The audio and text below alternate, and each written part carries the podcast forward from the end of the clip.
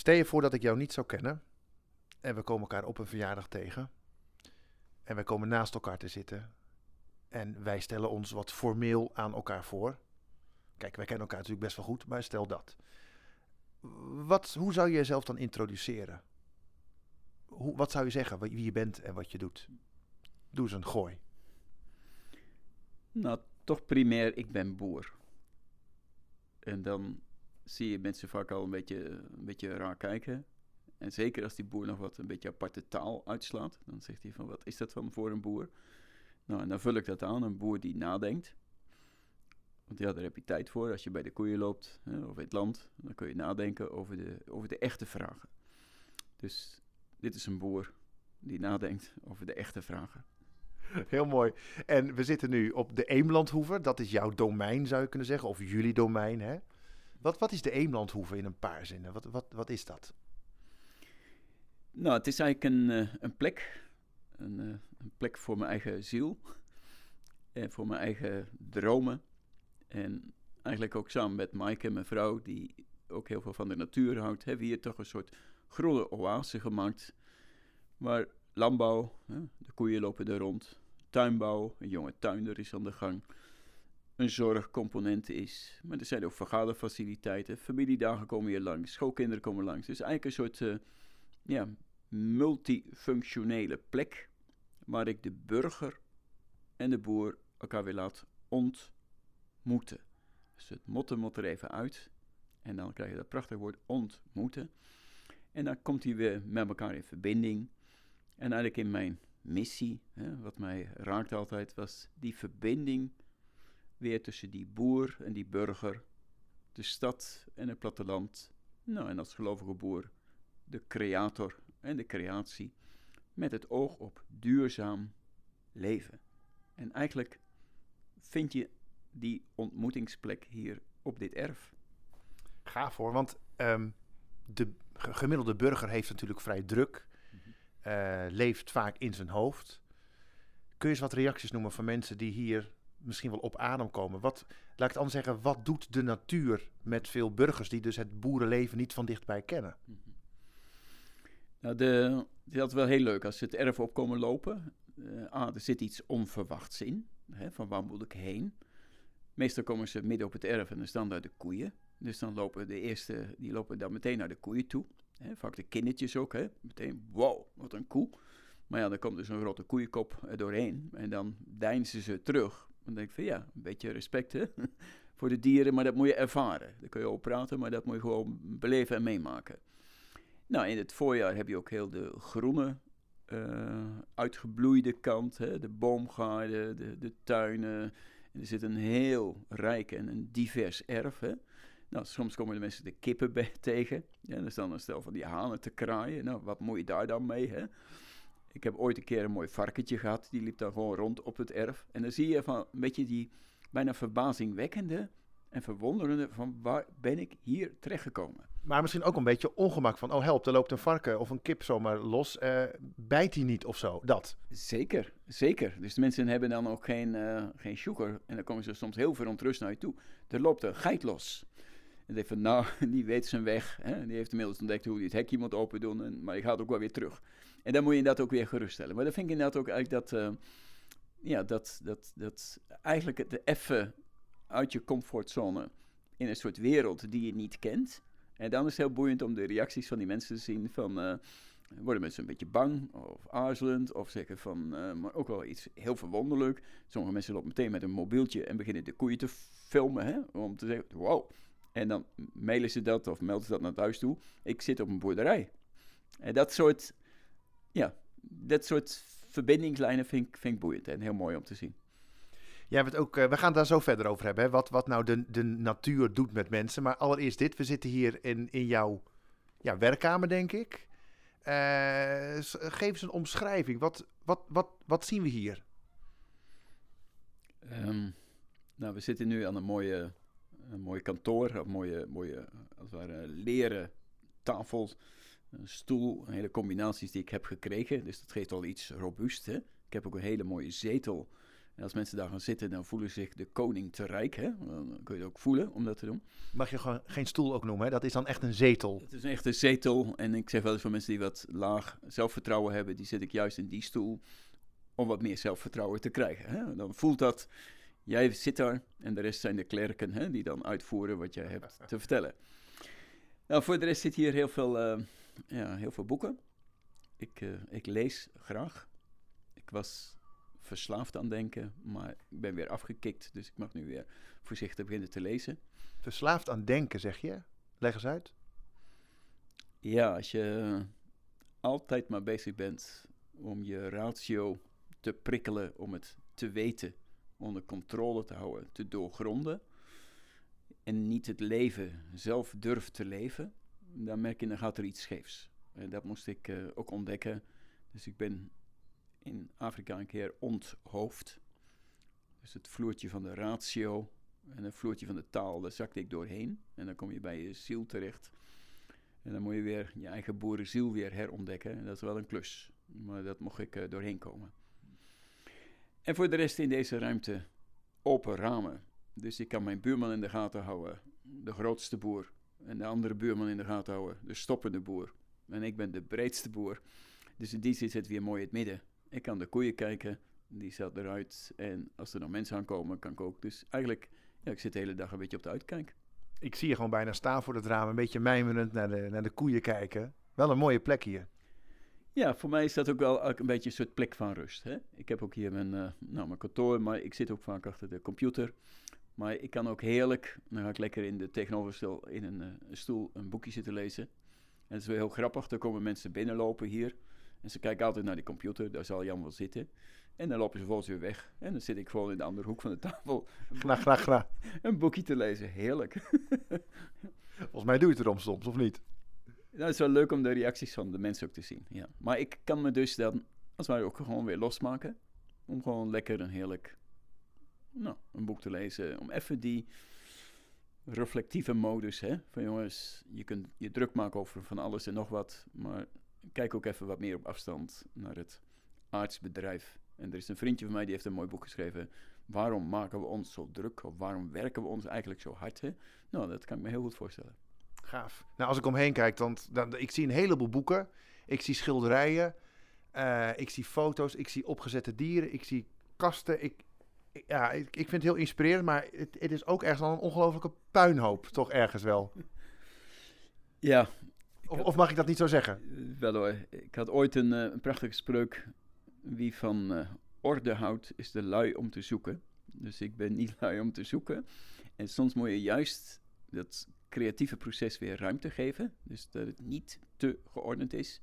Dan gaan die neuroontjes, die zoeken ook weer nieuwe combinaties op. En dan komt creativiteit los. En zo werkt bij mij ook. Hè. Ik heb een best wel een creatief brein. Maar daarvoor moet ik niet te strak en te geordend. En ik gun mijn studeerkamer als het ware de spiegel te zijn van mijn ziel. Mooi gezegd, ja. En het leuke bij jou, Jan, is jij bent boer en filosoof. Je zei net ook van ik was verslaafd aan denken. Nou, je was volgens mij, heb je wel eens eerder verteld, ook verslaafd aan lezen. Hoeveel, hoeveel boeken heb je wel niet? Of doet het er niet toe eigenlijk? Ik heb er duizenden. Echt duizenden? Ja. ja. Je, je, je zegt het een beetje met een frons ook nu in je gezicht. Ja, als ik een beetje achteraf zie, dan denk ik van nou, als ik al mijn boeken in alle hoeken en gaten zie, dan denk ik van nou, die vent is ook eigenlijk, die spoort ook niet helemaal. Want wie doet dat nou? Wie doet dat nou? Dus als je dan terugblikt op je leven en je hebt er dan zoveel staan, dan denk ik van, je moet toch wel een merkwaardig uh, drive hebben gehad om dit allemaal te verzamelen. Maar wat was die drive dan? Ja, toch dat verlangen, die, die, die kracht tot weten. En weten heeft iets van heel, heel moois. Hè? Je krijgt overzicht, inzicht, veel meer. Maar als het uh, obsessief wordt, dan zit er iets ongezonds in.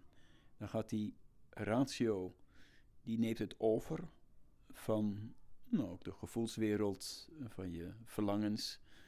En dan, ik denk dat dat in onze tijd ook echt volop aan de orde is. Hè? Dat we via controle, beheersing, het moeten weten, pas dan is het echt. Terwijl je met nuchter boerenverstand of met nuchter burgerverstand zeg je van nou, doe normaal, doe gewoon. leef het leven. En voor mij was het ook een soort, uh, ja, een soort vlucht. Omdat de gevoelswereld voor mij was te pijnlijk om daarbij te komen. En dat heeft me een postje, ja, dat heeft me wel een, een, een, tijd gekost om dat te onderkennen. En dan vervolgens dat weer los te laten. En nu meer vanuit mijn hart, vanuit mijn ziel en vanuit mijn lijf ook te, te leven. En die balans vinden was een klus, maar ik ben wel nou, een beetje op weg en dat vind ik wel heel bijzonder.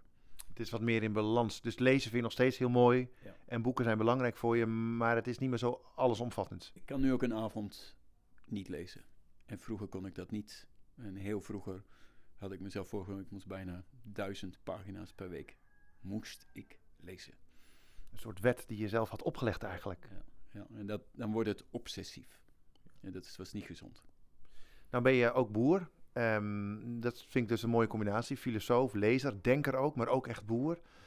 Uh, wat is de, laat ik persoonlijk beginnen. Wat is de invloed van de natuur die we hier om ons heen zien? Um, hè, in een aantal uh, tijden van het jaar bloeit en groeit alles groen, vogels. Wat doet dat met jou, met jouw ziel of met jezelf, die natuur? Mhm. En, en zie je daar God ook in? Mhm. Ja, ik heb van meet aan altijd dat besef gehad hè, tegen die sterke wetensdrang. Ik moet een soort. Hè, de boerderij is voor mij toch wel een soort plek waar ik ook kan ademen. Los van die kop, lekker de natuur in, hè, lekker met de dieren bezig, aan het maaien, aan het zorgen. Als, ja. En dat is elk seizoen, heeft weer zijn eigen charme. Hè, dus we hebben nu die winterperiode net achter de rug, hè, nat en vies, en, en, en, maar alles komt tot rust. En dan straks komt het voorjaar weer en dan komen die bloesems weer los. En als de eerste lammetjes zijn geboren, de kalfjes komen weer tevoorschijn. Dan denk ik, wow, dan komt het leven komt eigenlijk ook weer tevoorschijn. En we hebben straks ook weer de koeien in de weidag. Hè? En dan nou, nodigen we ook echt de burgers uit. En als je dan ziet hoe of die koeien er naar uitkijken om weer naar buiten te gaan. Hè? Ik trek dan zo'n deur open. Nou, dan uh, vorig jaar ook een grote stier op zijn knieën, hè, zijn kop eronder. En dan gaat die deur open en dan knalt het naar buiten toe. Nou, dan krijg je iets van, wow, dit is leven. Hè? En net of dat een soort, een soort weerspiegeling is van dat verlangen wat je vaak ook in jezelf voelt. Hè? Niet dat platgeslagen en helemaal doorgeakkerde, maar gewoon durf te leven. Zoals een kind kan springen en huppelen is meer. Nou, kijk af bij de dieren en de vogeltjes en de bloemetjes en zo. Laat ze stralen en laat ze zien. En nou, kun je eigen armzalige bestaan, kun je er ook een beetje aan optillen. Mooi gezegd. En eigenlijk zou je kunnen zeggen dat, dat misschien wel God wel deze natuurlijke omgeving heeft bedacht voor ons als mens. Zo van, daar, in zo'n omgeving word je gelukkig. En niet uh, 8, 9, 10 uur per dag op een kantoor achter een beeldscherm. Ja. Nou, je ziet ook wat, wat natuur doet, hè? als het gaat over heling, heilzaamheid. Hè? Uh, we hebben met ziekenhuizen wel eens uitgeprobeerd, hè? van nou, als je alleen maar in een ziekenhuis ligt en je ziet niks naar buiten toe, of je kijkt uit op een bloeiende boomgaard of een, uh, een mooie tuin of iets dergelijks, hè? dat doet wat met mensen. Dus in die zin is uh, natuur een soort helende, heilzame ruimte waar je de ritmes voelt, waar je de geluiden hoort, waar je al je zintuigen, waar je je lijf kunt meemaken, is meer. En wij zijn natuurlijk heel erg kopmensen geworden en daardoor missen we heel veel. Dus soms denken we wel heel veel van onze maatschappelijke ziektes hè, en, uh, en verslavingen hebben ook te maken met dat gebrek, dat tekort aan contact hè, met die natuurlijke leefwijze en dat lijfelijke wat je dan ook weer moet, moet ervaren. En dat vind ik ook wel heel bijzonder, dat uh, als je het Bijbelverhaal leest, hè, dat God ook dan zegt van, nou, hè, eerst die, die schepping van de eerste drie dagen hè, van het Bijbelboek, waarin als het ware de, de grote contouren van dat majesteutelijke heelal. Dus dan word je een beetje ontmoedig, hè, wat uh, ding is. Hè. En aan de andere kant dat fijne toegewijde hè, van elke de ritmes van de dag en de nacht, hè, van, de, van de groene uh, kleuren, van de beesten en uiteindelijk bij de mensen. Van, nou, wij zijn ingevoegd in dat hele weefsel en dat hele, ja, dat, dat, dat theater. Hè, ergens, hè, een glorieus theater. Hè, en dan mag je je spel spelen. En kijk dan ook naar de, naar de kindertjes, hè, worden weer als de kinderen om dat ook weer mee te maken. En ik vind dat, ja, dat moet je ervaren. Daar kun je over praten en daar kun je een boek over lezen en een film over kijken. Maar ga, ga eruit, hè, en ga dat weer meemaken. En toch vinden we dat, uh, ik chargeer een beetje, maar veel mensen vinden dat wel heel erg moeilijk om te doen. Want je zou zeggen, uh, tenminste in Nederland, waar je ook woont, de natuur is redelijk betrekkelijk dichtbij. Mm -hmm. En toch gunnen we onszelf zo weinig tijd om echt soms even die natuur in te gaan. Of ook al is het maar heel even, gewoon even, even uit je kantoor, even uit je huis. Ja. Wat maakt dat zo moeilijk? Ja, uh, patronen habits, hè, als het ware gewoontes. Mensen zijn gewoontesdieren. En uh, ja, als je in een kantooromgeving zit, dan word je daar helemaal in opgeslokt. En daar zit natuurlijk een druk en een tijdsritme zit er inmiddels achter. Inmiddels hebben we opnieuw een, uh, een prachtige tool ontwikkeld om als ware weer opgezogen te worden in de digitale wereld. Hè, met onze mobieltjes en met onze computers, veel meer. Hè. Dus uh, het vraagt sterke karakters en sterke gewoontes. En de vorming van die gewoontes en die karakters en die bijna discipline. Om weer besef te krijgen: jongens, dit is één wereld. De wereld is groter. Ook die natuurlijke omgeving hebben nodig. Dus zet de stap om daadwerkelijk dat ook te doen. En dan krijg je inderdaad, uh, ja, dan moet je naar buiten. En je, het ritme wordt anders. De snelheid wordt anders. Dus je de versnelling van de tijd wordt dan een verlangzaming van de tijd. Ja, en dat merk je, dat is verslaafd, hoe verslaafd we dan zijn. En afkicken, dat valt dan niet mee. Tenzij, maar er is nu weer een hele leuke methode. Hè? Mensen worden dan, uh, dat heet burn-out. Die lopen dan drie keer met de kop tegen de muur dan. Zeggen van ja, nu werkt het niet meer. Nou, en dan zijn ze weer welkom op de boerderij. Dat is weer een prachtige open plek om mensen weer te leren. De wereld is groter als dat, dat kokonnetje waar je jezelf in opgesloten had. Samenvattend zeg jij gewoon naar buiten. Welkom. Welkom in die bijzondere, dat glorieuze theater. Hè? Wat er is. En waar je s'nachts naar de sterretjes kunt kijken. En dan word je weer een beetje ootmoedig. Humility, hè? als het ware erin. En geniet dan, als het ware, ook weer overvloedig van die, uh, van die rijkdom die er nog is. En nogmaals, die staat onder druk. Dus uh, kom maar gauw, want straks is het misschien over. Hè? Dan is het vervlakt. Zie je ook. Maatschappelijke druk op de biodiversiteit, klimaat. Hè? Wow, we zijn echt wat aan het forceren.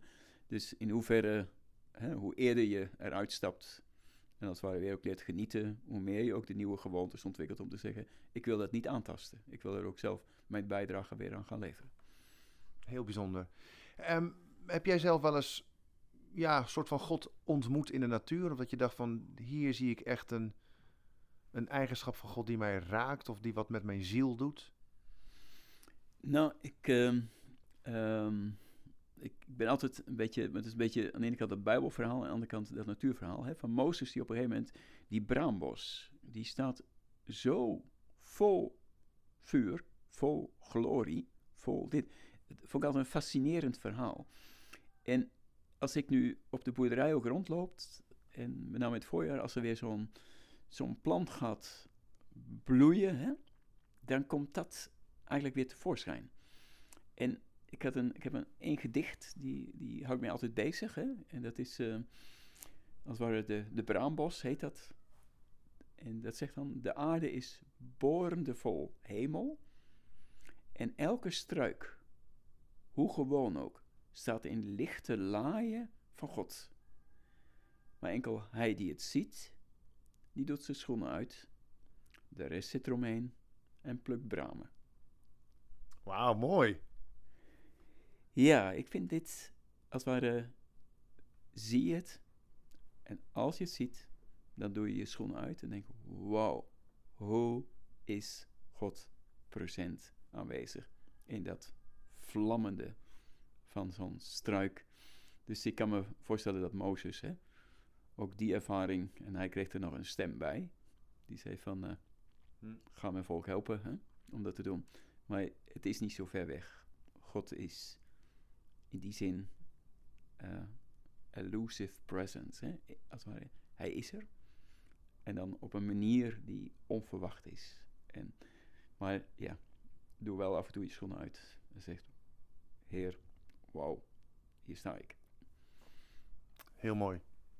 Laatste vraag, Jan. Stel, jij bent aan het eind van je leven en je kijkt terug op je leven. Wat, wat, wat, wat hoop je dan dat je betekend hebt? Hoe, hoe wil je, hoe wil je uh, zeg maar, ja, herdacht worden bijna? Weet je wel? Wat is jouw levenswerk uiteindelijk? Het zal iets te maken hebben met natuur en zo, maar wat, wat, wat is dat? Ja, er zitten um, bij mij eigenlijk, uh, hè, als ik zo bezig ben op deze boerderij, een oase, uh, waar mensen op adem komen. En wat ik ook mijn kinderen, en zelfs mijn kleinkind, hè, meisje van twee, dat die weer rondloopt, die gun ik dat als zij later dertig is, dat ze ook zij met haar kinderen weer op deze oaseplek hè, op adem kan komen dat te, te doen. Dat is, dat is, de ene kant. De andere kant, uh, en dat komt uit de uh, middeleeuwen vandaan, hè, de kloosters waren oude plekken waar dat die ademruimte was, maar ook de vorsten een spiegel werd voorgehouden. Weet wat je doet als je niet omgaat met de natuur of met de schepping hè, of met de boer. Hè, dan, dan, en die beide elementen, dus eigenlijk die op adem komen in een plek waar, iets, uh, nou, waar je iets mee mag maken hè, van, uh, van de werkelijkheid. En aan de andere kant ook mensen, vorsten van deze tijd, ik hou je wel de spiegel voor. Als je hier niet goed mee omgaat, dan raakt dat, hè, die oasis, hè, en weet wat je doet. En die beide elementen, die, dat morele, maar ook bijna dat zintuigelijke van dat, uh, dat, dat, die ademruimte, nou, dat zit bij mij wel heel erg verweven. Heb je zelf wel eens een soort van uh, vorsten of dat soort mensen op die posities in die zin een spiegel mogen voorhouden? Um, ik mag vrij makkelijk lopen bij ministers, bij hooggeplaatste figuren. En dan voel ik ook hè, dat ik hun die spiegel voorhoud. Of ze luisteren, dat doet er dan niet toe, maar ik hou ze wel die spiegel voor. Um, en hoe meer en urgent de vraagstukken komen rondom voedsel en de omgeving en de landbouw en ook onze eigen gezondheid, volg voedsel, omgeving, landbouw, gezondheid. Um, vroeg of laat komen je daar ook de, het machten- en krachtenveld tegen. En dan hoop ik uh, de vrijmoedigheid te houden om ook die vorsten een spiegel voor te houden.